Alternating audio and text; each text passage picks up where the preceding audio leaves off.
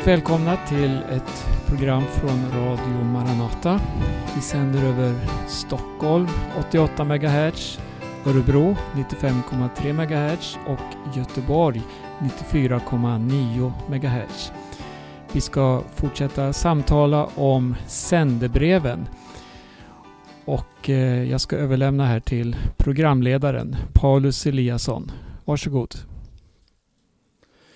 Ja, då får jag också glädjen av att hälsa allesammans välkomna och vi som samtalar här eh, vi, över internet. Vi är eh, Hans Lindelöv, Berno Widén och jag Paulus Eliasson. Och som Berno sa här så ska vi fortsätta att samtala om sändebreven. Och vi har talat eh, tidigare om om Efesus, om Smyrna och Pergamus eller Pergamum. Eh, och vi har nu kommit fram till det längsta av eh, sändebreven, nämligen eh, sändebrevet till Thyatira. Eh, och det kan, du, kan vi läsa i eh, Uppenbarelsebokens eh, andra kapitel. Eh, så är sändebrevet till Thyatira. Och jag kanske börjar med att läsa igenom det här. Det är några verser, men vi läser igenom det och sen ska vi ta oss an texten här vers för vers. Så här säger Jesus till församlingen i Thyatira. Och skriv till ängeln för församlingen i Thyatira. Så säger Guds son, han som har ögon som eldslågor och fötter som skinande brons. Jag känner dina gärningar, din kärlek och din tro, ditt tjänande och din uthållighet och jag vet att dina sista gärningar är fler än de första. Men jag har en sak emot dig, att du tolererar kvinnan Isabel, hon som kallar sig profetissa och undervisar och förleder mina tjänare till att vara otrogna och äta kött från avgudoffer. Jag har gett henne en tid att omvända sig, men hon ville inte omvända sig från sin otrohet. Nu lägger jag henne på sjukbädden och de som är otrogna med henne ska få svåra plågor om de inte omvänder sig från hennes gärningar. Jag ska döda hennes barn och alla församlingarna ska inse att jag är den som ransakar hjärtan och njurar och jag ska ge åt var och en av er efter hans gärningar. Men till er andra i Tyatira, ni som inte har den läran och inte har lärt känna Satans djupheter, som man kallar det, till er säger jag, jag lägger inte på er någon annan börda, men håll fast vid det ni har tills jag kommer. Den som segrar och håller fast vid mina gärningar ända till slutet, honom ska jag ge makt över folken. Han ska styra dem med järnspira som man krossar lerkärl, liksom jag har fått den makten av min far och jag ska ge honom morgonstjärnan. Du som har öron, hör vad anden säger till församlingarna. Det är eh, brevet till Tyatira. Och det börjar med att tala om Jesus, Guds son, som har ögon som eldslågor och fötter som skinande brons. Och sen så eh, börjar han med, med ett beröm till församlingen här och vi kanske ska börja där. Eh, Hans, vill du börja och ge oss några tankar om den här inledningen till eh, sändebrevet till Thyatira? Det är ganska unikt här.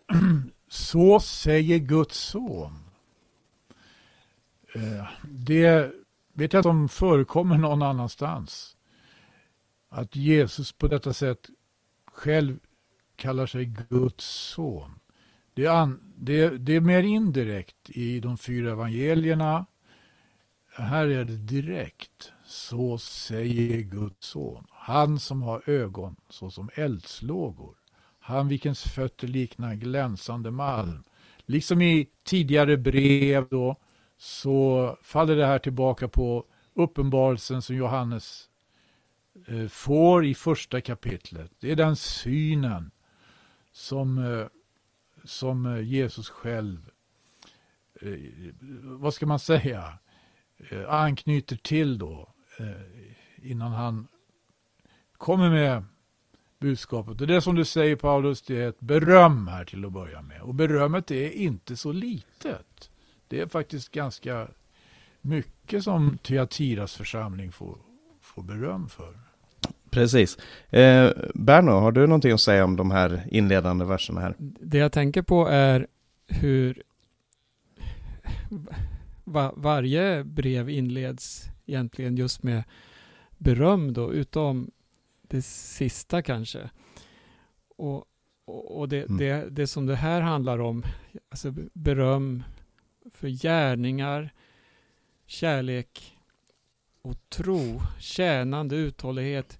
Och så handlar det eh, just det här eh, det, det, här är sådana egenskaper som, som man verkligen efterlyser. Och, och just att se kontrasten då mellan den berömmelse och det som sedan följer, det, det känns lite svårt att greppa tycker jag. Hur, man ska, hur kan man ha det ena och samtidigt det andra som vi läser om och det vi kommer till här? Ja.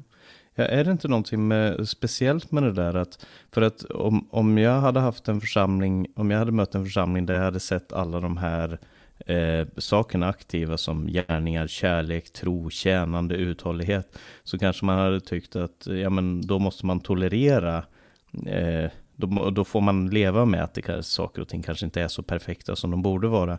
Eller å andra sidan, om man nu hade eh, fastnat för det som senare är kritiken här, så kanske man hade sagt att eh, ja, ja, de har en massa kärlek och sådana saker, men, men eh, nu måste vi fokusera på, på de här problemen som finns i församlingen.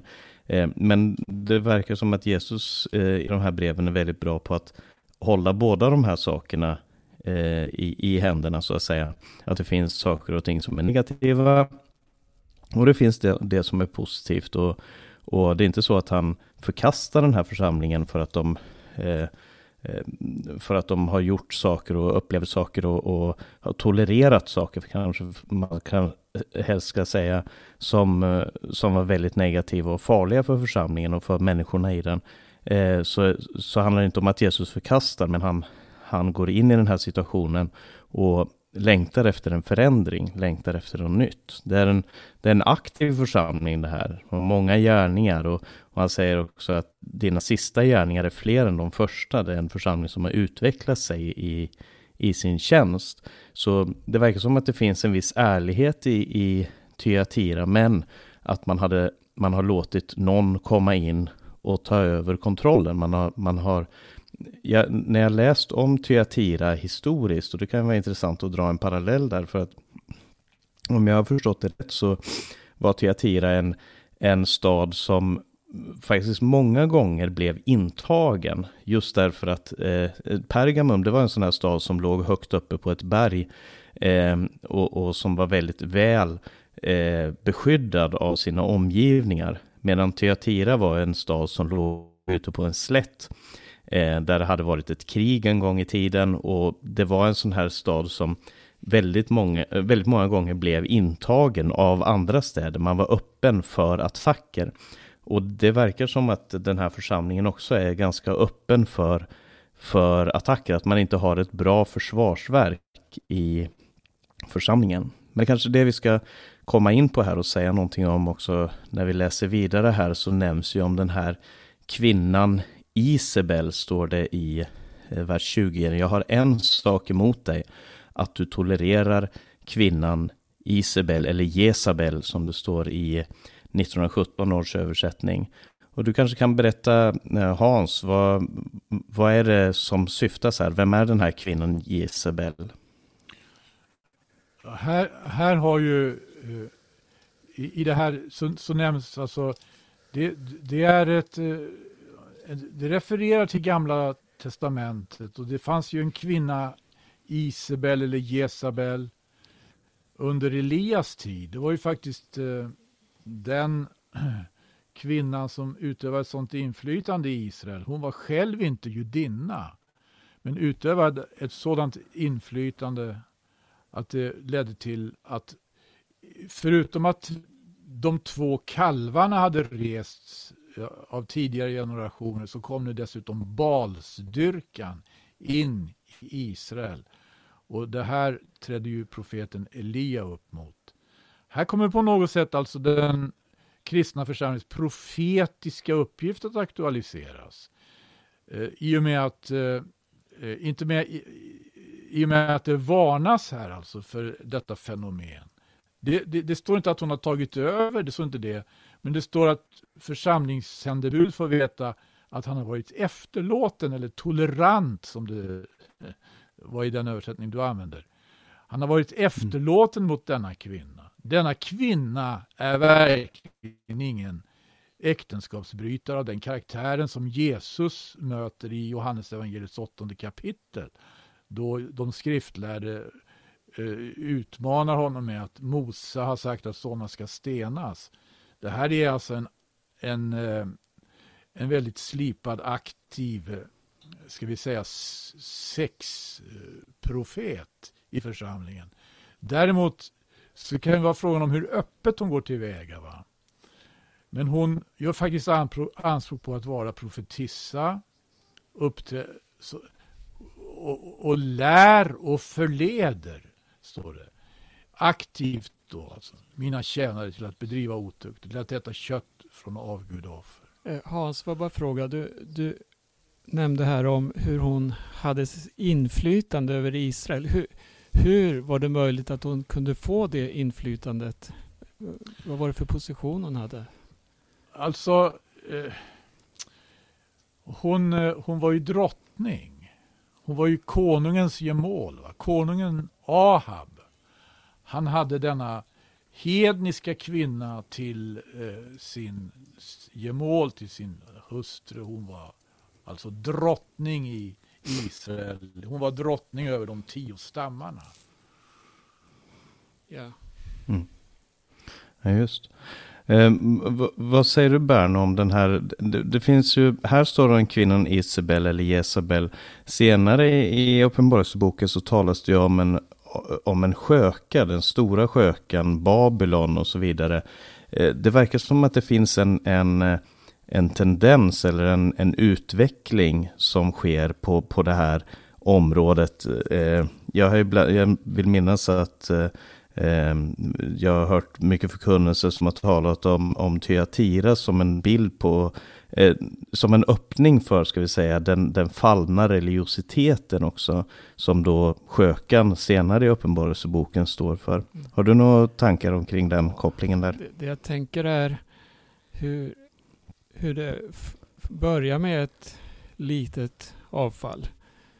Men hur, det, stå, det står ju om inte jag minns rätt här nu, om hur Isabel förledde kung Ahab till att öppna då för balstyrkan och för alla de här avgudaaltaren som restes upp. Och hur det sen växte till att hela folket förleddes. Och det ledde också till att de som var profetlärjungar då till Elia och de som ville tjäna Gud alena, de förföljdes. Och, och det här ser mm. man ju återkommer då i Uppenbarelseboken när det står om den stora skökan. Och där ser vi en stor förföljelse, en, en riktig kollisionskurs på ett globalt plan. Och någonting av det tycker jag vi ser också i våra dagar det kan bero också på att vi, vi har ju ett, en helt annan insyn idag. Vi, vi har ett internet som gör att vi eh, från stund till stund kan få höra vad som händer i olika världsdelar. Men just den här eh, Isabels anda och hur det ställs mot kristendomen och mot Herrens vittnen runt över jorden. Det, det, eh, kan vara en fulländning av det man ser ett embryo till här i Tiatira. Mm. Ja, precis. Eh, jag ska säga att eh, det, det, finns ju en utveckling också, om man säger internt i de här eh, sändebreven, så kan man se en utveckling, till exempel att i Efesus så står det, eh, om Efesus står det, ni hatar Nikolaiternas lära. Alltså det som den, de lärorna som eh, attackerade församlingen eller som, som var då heterodoxa eller vad man ska säga, villoläror var hatade av församlingen. Eh, när man kommer fram till Pergamus så står det att du har några där som håller fast vid Nikolaiternas lära och Biliams lära. Eh, och eh, det, det, är liksom ett slags embryo som, som du nämnde här Berno. Att, eh, och sen när du kommer till Tyatira så står det då du tolererar den kvinnan. Eh, I i an, andra eh, Eh, översättningar, så, i en annan översättning som jag läser så står det du låter henne råda. Det är väl lite nyansskillnad där, men det, det handlar om att man tillåter någonting att, eh, att hända. Eh, istället för att det bara är eh, några få som håller fast vid, alltså att det finns grupper. Men, men här, har det, här har det, verkar det som att det helt klart handlar om en, en ledarskap. För att det står att hon, eh, Eh, hon förleder, hon, hon kallar sig för profetissa, hon undervisar och hon förleder mina tjänare att vara otrogna. Eh, en engelsk översättning sa She guides them, alltså hon, hon är en person som, som leder dem in i någonting. Vi ska väl säga någonting om vad det är som, eh, som hon förleder dem till, för att det, det är ju också kopplat då till Pergamusförsamlingen. Eh, här står det, hon förleder mina tjänare att vara otrogna och äta kött från avgudaoffer. Och det står ju någonting liknande till församlingen i eh, i Pergamus om att de eh, om Balak, som eh, Biliam som lärde Balak att gillra en fälla för Israels barn så att de åt kött från avgudaoffer och var otrogna eller bedrev otukt eller eh, ja, bedrev otukt står det i 1917 års översättning.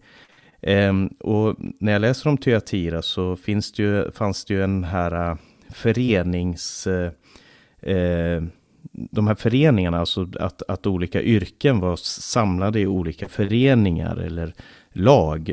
Eh, och de här föreningarna, de, de eh, man måste vara del av en sån förening för att få handla. För Tyatira var ju känt för bland annat det här med purpurfärgen som var en stor exportvara till andra delar av, av världen. Vi vet ju till exempel om att i Filippi så var purpurkrämerskan Tyatira, en av de som blev frälsta när, de, när hon lyssnade på aposteln Paulus undervisning. Och den här exporten och handeln som man hade, den var, där var man tvungen att då tillhöra någon av de här yrkesföreningarna. Och eh, i de föreningarna så ingick det bland annat det här att man skulle offra eh, till avgudar. Man, skulle, man måste tillhöra och för att tillhöra så måste man tillbe avgudar och man måste delta i deras gillen och de här orgierna och liknande festivaler och sånt som man hade. Och mm, det verkar som att i den här situationen så, eh, om det nu är konkret, det, det som talas om här, att hon förleder mina tjänare till att vara otrogna och äta kött från avgudaoffer. Om det är någonting konkret så är det stor sannolikhet för att det är just det som då syftas. Men Samtidigt ska det ju sägas att eh, väldigt ofta när det i Bibeln talas om avgudadyrkan så sätts det, kopplas det till just eh, eh, otrogenhet. Och det sägs bland annat om, om Jezebel när eh, drottning Jezebel när hon hade dött och hennes son hade tagit över. Eh, och så står det om Jehu som Gud sände som ett slags, eh, som en, en reformator. Så konfronterar han då Jezebels eh, son och säger till honom att hur kan det vara frid så länge din, din mors, och så jag tror att i 1917 i den svenska översättningarna så står det hennes avgudadyrkan, men i engelska översättningar som är mer bokstavliga så står det her whoredom, alltså han, hennes eh, horeri eh, tillåts. Och de här sakerna kopplas ofta eftersom eh, troheten, den har man till Gud och allt som är utanför det, det är eh, otrohet så att säga. Så det, det, finns eh, många bottnar tror jag i, i den här texten. Eh, men sen kommer det här, men jag har gett henne en tid att omvända sig, hur, hur Jesus reagerar på den här kvinnans eh, styresätt. Och får gärna eh, säga någonting Hans om, om de kommande verserna här. Jag har gett henne tid att omvända sig och vad som blir resultatet av hennes eh, otukt. Jag, jag, tycker det är intressant i det här sammanhanget också att göra en jämförelse med eh, när profeten Hesekiel avslöjar de falska profeterna och profetissorna. Då säger han så här eh, i Hesekiels trettonde kapitel, vers 17 och 18. Du människobarn, vänd ditt ansikte mot dina landsmaninnor som profeterar efter sina egna hjärtans ingivelse. Profetera mot dem och säg så säger Herren, Herren, ve er som sy bindlar till alla handleder och gör slöjor till alla huvuden, både ungas och gamlas, för att så fånga själar.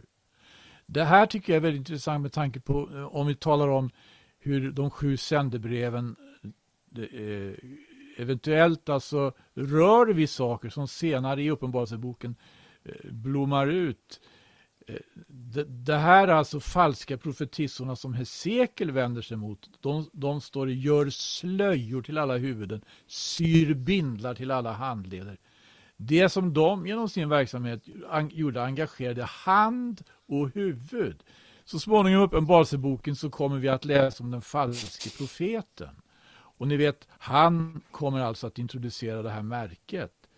Antingen ska det sättas på handen, högra handen eller på pannan.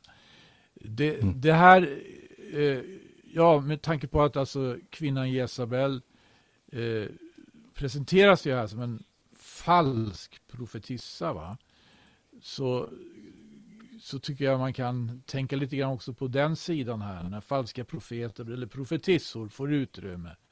Så kan man förvänta sig att det till slut leder till att eh, den som, den som driver hela den falska profetian så att säga till sin fullbordan eh, får, får, får sina föregångare och, och som också förbereder för den, för den falske profeten framför alla andra i Uppenbarelsebokens eh, trettonde kapitel. Och men då är det naturligtvis så att jag har givit henne tid till bättring men hon vill icke göra bättring och upphöra med sin otukt. Jag läser från 1917 här. Det är naturligtvis väldigt allvarligt när en uppmaning till bättring negligeras då det leder till så här allvarliga följder. Eh, jag tänkte också det att eh, det är ju en sak här att Herren gav henne tid till bättring. Eh, det har alltså ingenting att göra med att församlingssändebudet var lät henne, som det heter, to eller tolererade henne. Det är ju naturligtvis någonting helt annat. Mm. Jag tycker det är speciellt ändå att eh, Jesus är så eh, engagerad i både i församlingen och i individer i församlingen att han alltid ger tid att omvända sig. Både, både Jezebel i, i vers 21, jag har gett henne tid att omvända sig. Eh, men hon har stått emot den här kallelsen till omvändelse. Eh, och i vers 23 så, eh, nej, ehm, vers 22 så står det de som är otrogna med henne ska få svåra plågor om de inte omvänder sig från hennes gärningar. Det finns alltid en kallelse till eh, omvändelse. Vad tänker du Berno om, om de fortsättande verserna vidare här mm. om, om eh, eh Kalle till omvändelse? Jag tänkte det du sa tidigare här att det, det är en viss stegring från församling till församling. Och när vi läser Pergamus, då står det ju tydligt det här vänd därför om. Men eh, i Teatira så står det om hon som har haft möjlighet att vända om men inte har gjort det. Och om mm. det inte vänder om från hennes gärningar. Så, så, så att eh, det, är en, det är en stegring alltså. Det speglar också vår tid på ett sätt, tycker jag. Det, det, finns ju en, eh, vad ska man säga, en, en tolkningsmodell när det gäller de här eh, sju sändebreven som handlar om att de här sju sändebreven är olika epoker i församlingens historia där Efesus står för eh, Johannes samtid, Smyrna står för den förföljda församlingen fram till 300-talet, eh, Pergamus står för den tidiga eh, etablerade församlingen om man säger så från 300-talet till ja, 6, 7, 800-talet om, uh, ungefär. Och i så fall så skulle i, i den modellen, och, och var och en får väl bedöma själv hur, vilken vikt man vill lägga vid den, men i den modellen så, så står Tyatira för eh, det man skulle kunna kalla för den etablerade katolska församlingen. Och att då, eh, att då eh, Jezebel som styr det här, eh, det, fin det, finns många goda gärningar, det finns ett stort omfattande arbete, det finns mycket tjänande och uthållighet och så vidare. Eh, och det får man ju säga om den katolska kyrkan, att den har stått igenom väldigt, väldigt mycket eh, olika och varierande tider och så vidare. Eh, och fortfarande är den största dominerande kyrkan i, i hela världen. Eh, men att det finns ett, ett, ett av de stora problemen inom den katolska kyrkan är ju den här eh, strukturen som, som handlar om hierarkin, hur församlingen eller kyrkan styrs. Eh, där, där det finns en, en, eh, en påve då som, som styr ifrån toppen och som, som har eh, kardinaler under sig och, och det här. Och problemet, skulle jag vilja säga, i den katolska kyrkan är ju kanske inte framförallt gräsrotmänniskorna, de människor som bor i Spanien och Italien och Brasilien och vart det är över hela jorden, som, som tror att det här är evangelium och som tror att det här är den förkunnelse som man ska, som man ska hålla sig till. Men teologin, den kommer ju så att säga ovanifrån. Den kommer ifrån en, en felaktig förståelse av vad församlingens roll i tiden är. Där den katolska kyrkan gång på gång har demonstrerat att det man vill, det är att anpassa sig, att eh, in, inordna sig i tiden, i världen, i, i den modell som finns i världen. Och, om, eh, och det här då påverkar alla de som, som så att säga eh, kommer i relation till eh, här, den här hierarkin och det här styresättet istället för att komma i relation till Jesus. Eh, det talas ju i, i församlingen i Tyatira så finns det några andra i vers 24 till er andra i Tyatira som inte har den läran, inte har lärt känna Satans djupheter som man kallar dem.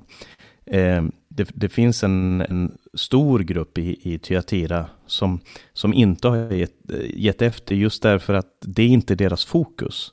Men det stora problemet här är just den här eh, rådande kraften, det ledarskapet som, som förstör församlingen inifrån och som, eh, som, inte, som inte vill omvända sig. Och jag, jag, tycker att det är en intressant parallell oavsett om man, om man tror på den här eh, modellen, förklaringsmodellen av, vad en, eh, av hur man ska förstå de sju sändebreven.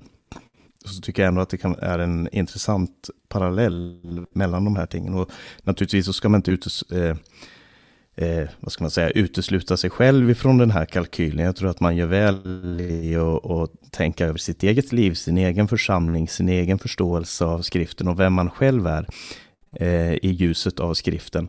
Eh, men det kan också vara värt att se de stora eh, strömningarna här, de stora rörelserna. Mm. Eh, det, det, är en mycket intressant, det är en mycket intressant tolkningsmodell, Paulus. Jag, till den hör ju dessutom alltså att man, man, man placerar lutherdomen, protestantismen i Sardes. Och det, det är ju en väldigt svidande kritik. Sardes är ju död. Men det är ju många gånger fallet, tyvärr, med protestantismen, med lutherdomen. Sen kommer Philadelphia som representerar 1800-talets mäktiga väckelserörelser. Och till slut kommer Laodicea och det är faktiskt det största tragedin. Det ska ju vara vår tid och vår tids kristendom. Det är en mycket intressant tolkningsmodell. Och när det gäller liksom katolicismen så man tycker väl inte att det, det här slaget av predikan är så representativ, men eh, katolicismen betonar ju kvinnan. Va? Det är modern, det är hon. Och denna kvinna, om vi läser om Uppenbarelsebokens 17 kapitel, 18 kapitel, så, så den stora skökan kallas faktiskt en kvinna som är väldigt klädd. Hon är klädd, står det i purpur och scharlakan. Det står om en annan kvinna eh, som eh, är klädd på ett helt annat sätt, men hon ropar i barnsnöd och födslovånda. Ganska så på det viset alltså eh, blottad. Det, mm. det är ganska så, tycker jag, eh, intressant att se det här. Eh, man kan fundera på det. Den klädda skökan.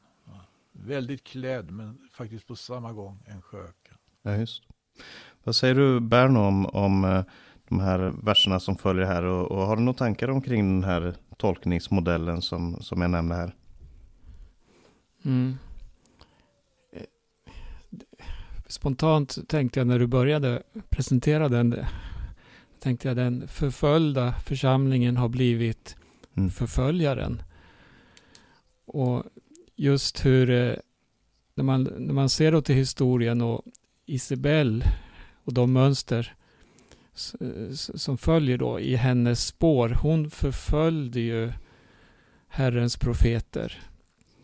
Och det är precis det man har sett också under medeltiden främst kanske och inkvisitionen och om hur alla eh, kristna då som inte accepterade den katolska kyrkans eh, eh, styre utan man, man, man började söka i Guds ord. De blev ju brända på bål, de blev jagade, landsförvisade och så vidare. Och, och det, det, det, det, ser man här, kopplingarna då. Mm. Och utvecklingen. Ja, och det det, det, finns, ehm, vi nämnde här i början om, om Jesus och hans ögon som eldslågor. Så ser Guds son, han som har ögon som eldslågor. Det, ögon är ju det som ser, det som övervakar, det som eh, och om man har ögon som eldslågor så tänker jag att det är någon som verkligen ser vad som, vad som föregår. Eh, det är ju svårt att tänka sig att mm. den här kvinnan som då råder att hon öppet förkunnar sin, sin lära, öppet talar om de här sakerna. Men Jesus ser in i situationer som, och, och i vers 23 så står det för alla församlingarna ska inse att jag är den som ransakar hjärtan och njurar och jag ska ge åt var och en efter hans gärningar. Jesus är den ransakande, han är den som ser in i situation. Han är den som ser bakom stängda dörrar. Han är den som ser det inga andra människor ser. Och, och det, är en, det är en tröst för den, som, för den som har Jesus som sitt hopp. Men det är en varning för den som förför församlingen. För det är det som sker här med den här kvinnan. Och det, jag menar, det är inte det att eh, vi tror att i den här situationen så talas det om Jezebel, en kvinna. Eh, men det är inte så att kvinnor inte kan vara profetissor. Hon, hon står ju i en tradition då som för all del är, är speciell med Miriam och, och Debora och Hulda och så vidare. Eh, och också på nytestamentlig mark om Filippus döttrar och så vidare, kvinnor som hade profetisk ande och profetisk tjänst. Men, men det är helt klart att, att Jesus ser det som sker och han är ute för att ransaka sin församling, för att för att eh, rensa i sin församling. Och här, som sagt, det är ett ledarskapsproblem. Och det är en, inte bara ett ledarskapsproblem, det är också en, en eftergivenhet som finns här. Du, är, du tolererar. Det är en av de stora problemen i, i Tyatira, att man tolererar. För att, att det finns människor som vill styra, domdera, förstöra, eh, vilseleda. Det gör det ju alltid, det kommer det alltid göra. Det finns hur många som helst. Men i församlingen så behövs det en tjänst som inte tolererar de här ingreppen. Som en, en motståndskraftighet helt enkelt. Det borde finnas en Elia i, i varje församling som, som reser sig upp och säger att nu, nu måste vi ta reda på vem det är som är Gud här. Och det talas ju om, om Eh, er andra som, som har, inte har den läran och inte har lärt känna Satans djupheter som man kallar det. Jag vet inte om ni har några tankar om, om vad det kan vara för någonting, det här satans djupheter som det talas om i vers 24. Du hoppar fram lite här, ska vi inte ta de här ja. lite kanske obekväma verserna då Jesus låter som gamla testamentets Gud, va? vers 22 och 23. Ja. Det är faktiskt eh, mycket, det är mycket strängt, men det, det är här ord som läggs i Jesu mun av, av hans apostel som har skrivit ner det här. Mm. Se, jag vill lägga henne ner på sjuksängen och över dem som med henne begår äktenskapsbrott vill jag sända stor vedermöda så fram till icke bättra sig och upphöra med att göra hennes gärningar.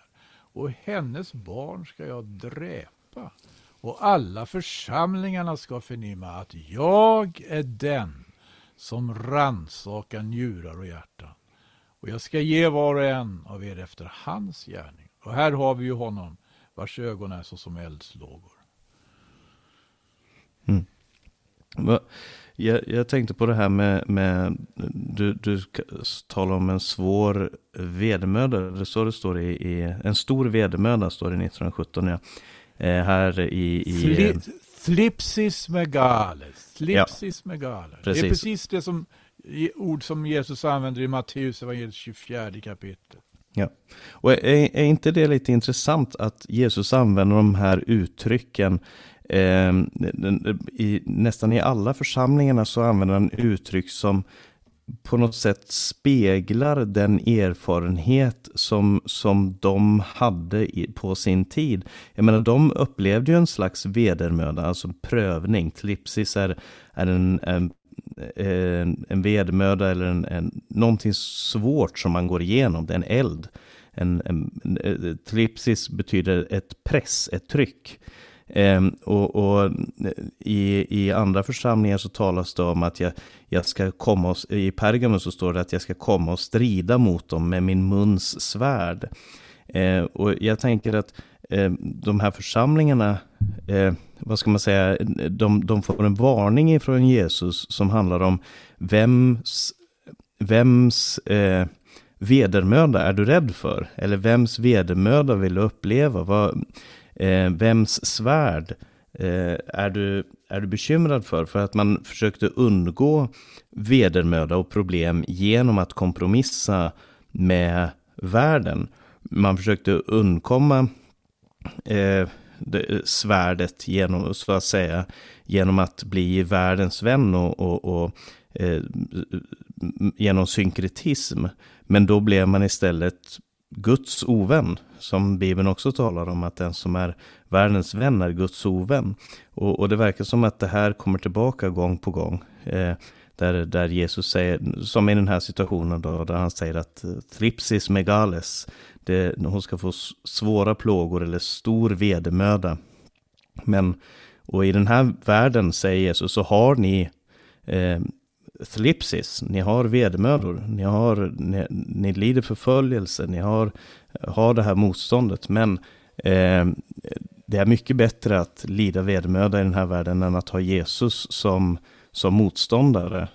Eh, eh framförallt om man är en församling naturligtvis. Vad säger du Berno om, om den här texten?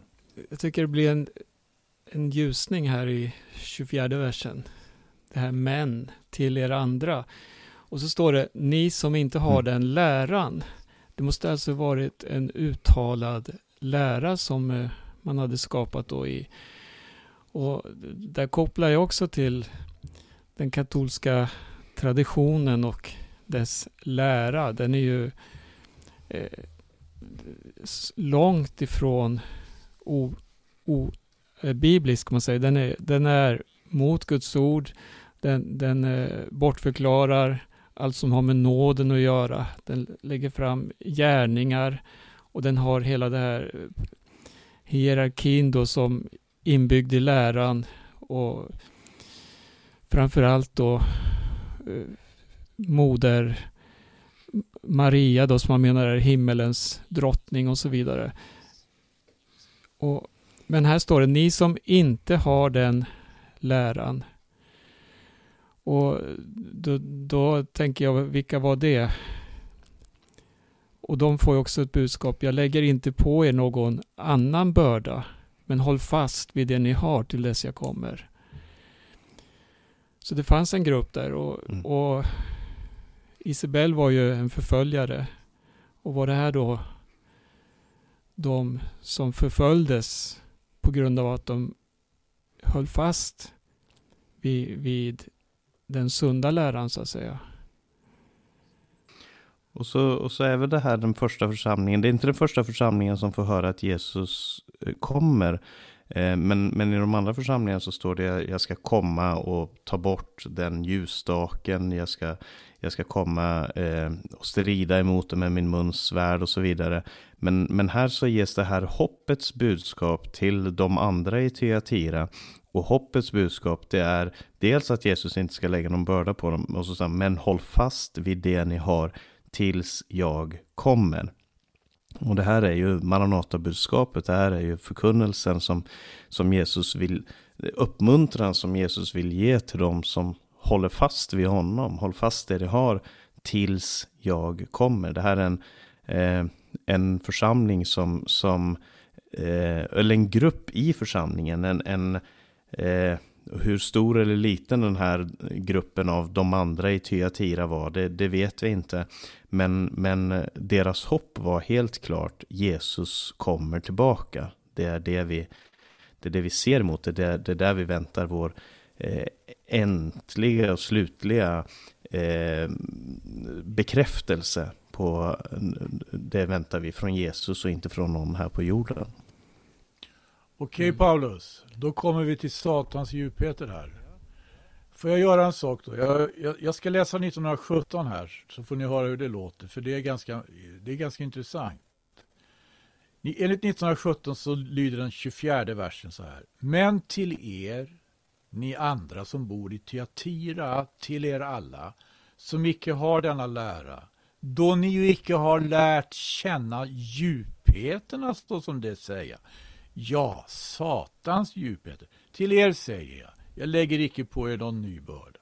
Lägg märke till att i 1917 så kommer det här uttrycket satans djupheter som om det är en kommentar som Jesus gör till att några påstår sig känna djupheterna. Men ingen, ingenting i grundtexten vad jag vet överensstämmer med det. Därför att de här människorna, och man undrar vad det är för gäng, de hävdar helt enkelt att de har lärt känna Satans djupheter.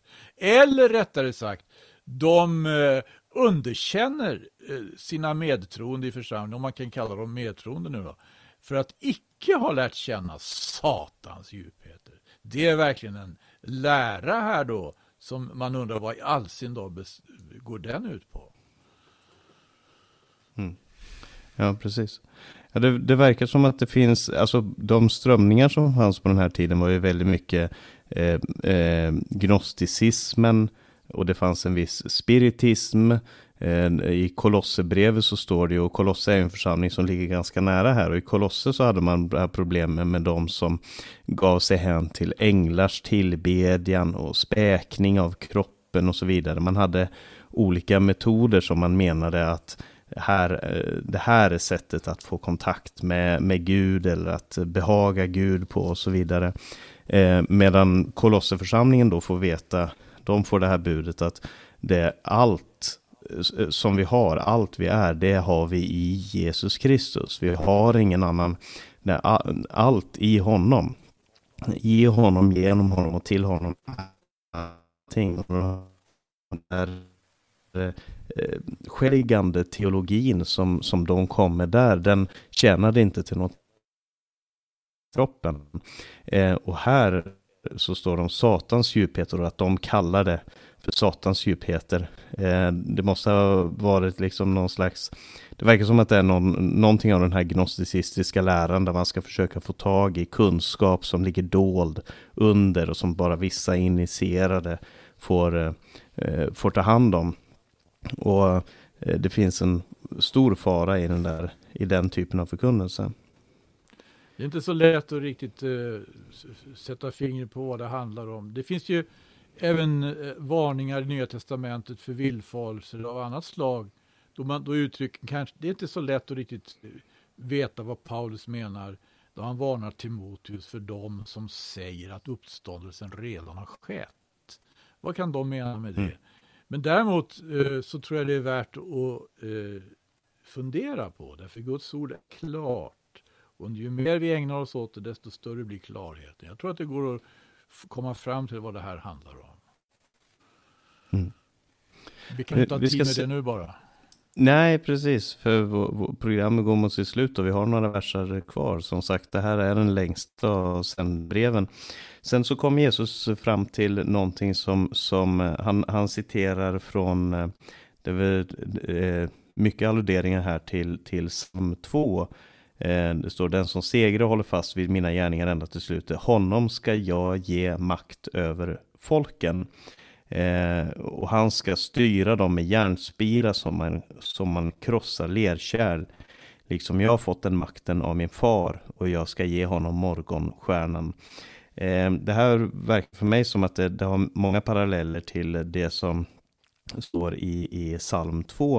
Eh, där det står så här. Eh, se om jag får fram det här bara. Eh, eh jag vill förkunna Herrens beslut.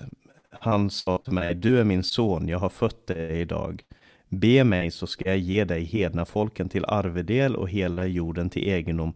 Du ska krossa dem med järnspira, slå sönder dem som kärl. Eh, det här är alltså Gud Fadern som talar till Gud Sonen och säger Du är min son, så ska jag ge dig hedna folken och du ska krossa dem med järnspira. Och den här auktoriteten som, som eh, eh, fadern ger till sonen, den säger nu sonen att han, han ger till dem som ska vinna seger.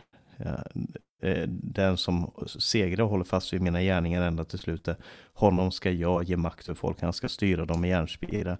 Det finns en, en tanke hos Gud att, att hans församling ska regera tillsammans med honom. Eh, Berno, har du några tankar om de här sista verserna här? Jag tänker på, på den yttersta tiden och de löften som Jesus har gett till församlingen. Och det han talar med sina lärjungar om, att de skulle få regera tillsammans med honom. Och det är det här som är ett hoppets budskap i vår tid, mitt i denna mörka tid som är så fylld med förvillelse och hat och ondska på olika sätt. Och det uppmanar oss till att hålla fast vid ordet, se till att vi är uppfyllda av anden. Och det står här, håll fast vid det ni har tills jag kommer och jag vill återigen ja, påminna om det. Den som har öron hör vad anden säger till församlingarna. Och här förstår vi också, det, det här är ett budskap som kommer till samtliga församlingar, att det, det är ingen kamp mellan kött och blod som man kan på olika sätt då materialisera. Nu gör vi ju det på ett sätt genom att eh, tala om budskapen här som olika historiska eh, eh, punkter då i händelser i den här utvecklingen. Men det finns ju något som är en kamp för varje tid, för varje församling. Och det gäller att vi har Guds ande så att vi får eh, rätt eh, inriktning och kan höra rätt vad som händer i vår tid, våra dagar. Så att vi kan verkligen avslöja de här onda krafterna och peka på Jesus hela tiden. Ja, vi ska strax avsluta här, men vi ska säga några ord till avslutning om, om eh, det här sändebrevet till Tyatira. Vi har sett hur, hur Jesus eh, ser med ögon som eldslågor eh, den här församlingen och det, det här sändebudet som församlingen är, som församlingen har och talar till och varnar för att tolerera krafter i församlingen som är destruktiva, förstörande, som vilseleder och förleder.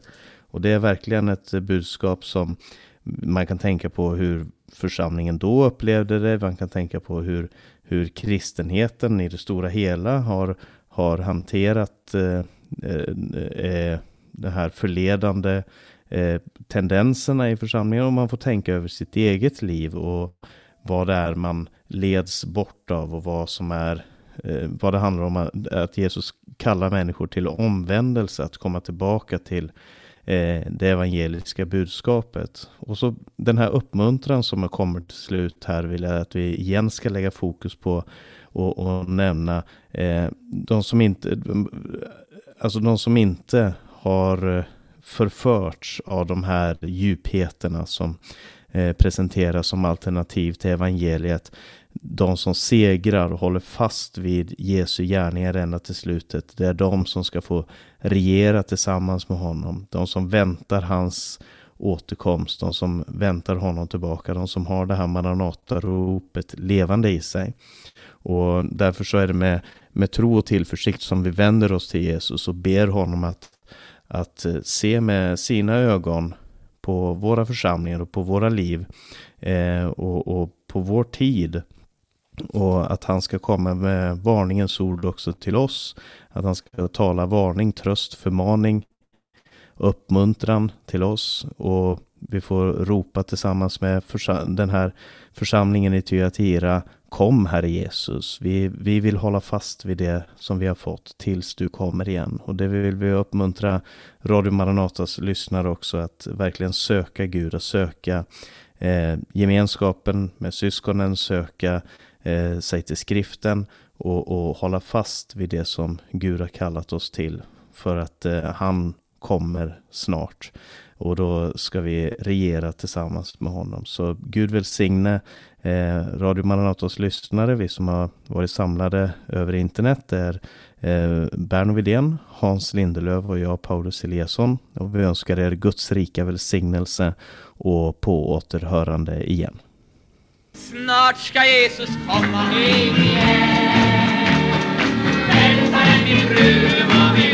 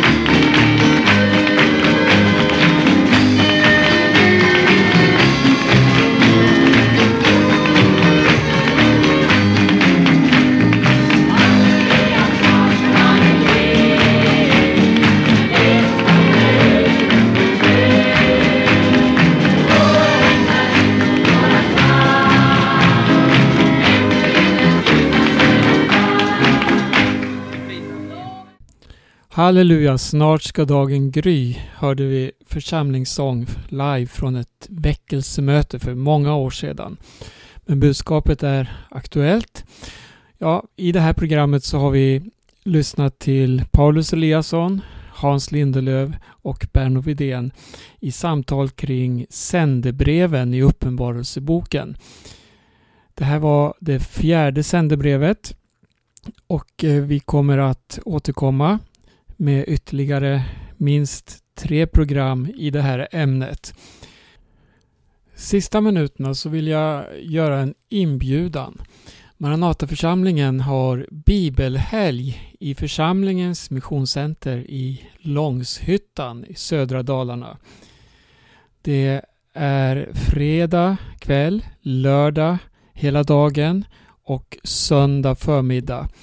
Alltså tre dagar, fredag, lördag, söndag. Och du är varmt välkommen att höra av dig om du vill vara med under dessa dagar med bibelstudier och väckelsemöte på kvällarna. Eh, skriv till oss på info maranata.se eller ring på 070 201 60 20. All den här informationen finns på hemsidan också på maranata.se eller om du går in på församlingens sida på Facebook. Där kan du också hitta information om den här helgen då vi samlas för att studera Guds ord. Det handlar om Guds makt, det handlar om Kristi makt, det handlar om budskapet om Jesu tillkommelse, Maranata, kom Herre Jesus. Det är ett rop som lever inom oss och som vi vill förmedla i denna sena tid. Snart kommer Jesus igen. Nu ska vi strax avsluta programmet här. Radio Maranata, vi sänder ju över Stockholm 88 MHz, Örebro 95,3 MHz och Göteborg 94,9 MHz. Vi önskar er allesammans Guds rika välsignelse och så avslutar vi med några toner på en väckelsesång. Bröllopsbjudningen nu över och hans steg och och sin frälsning Jesus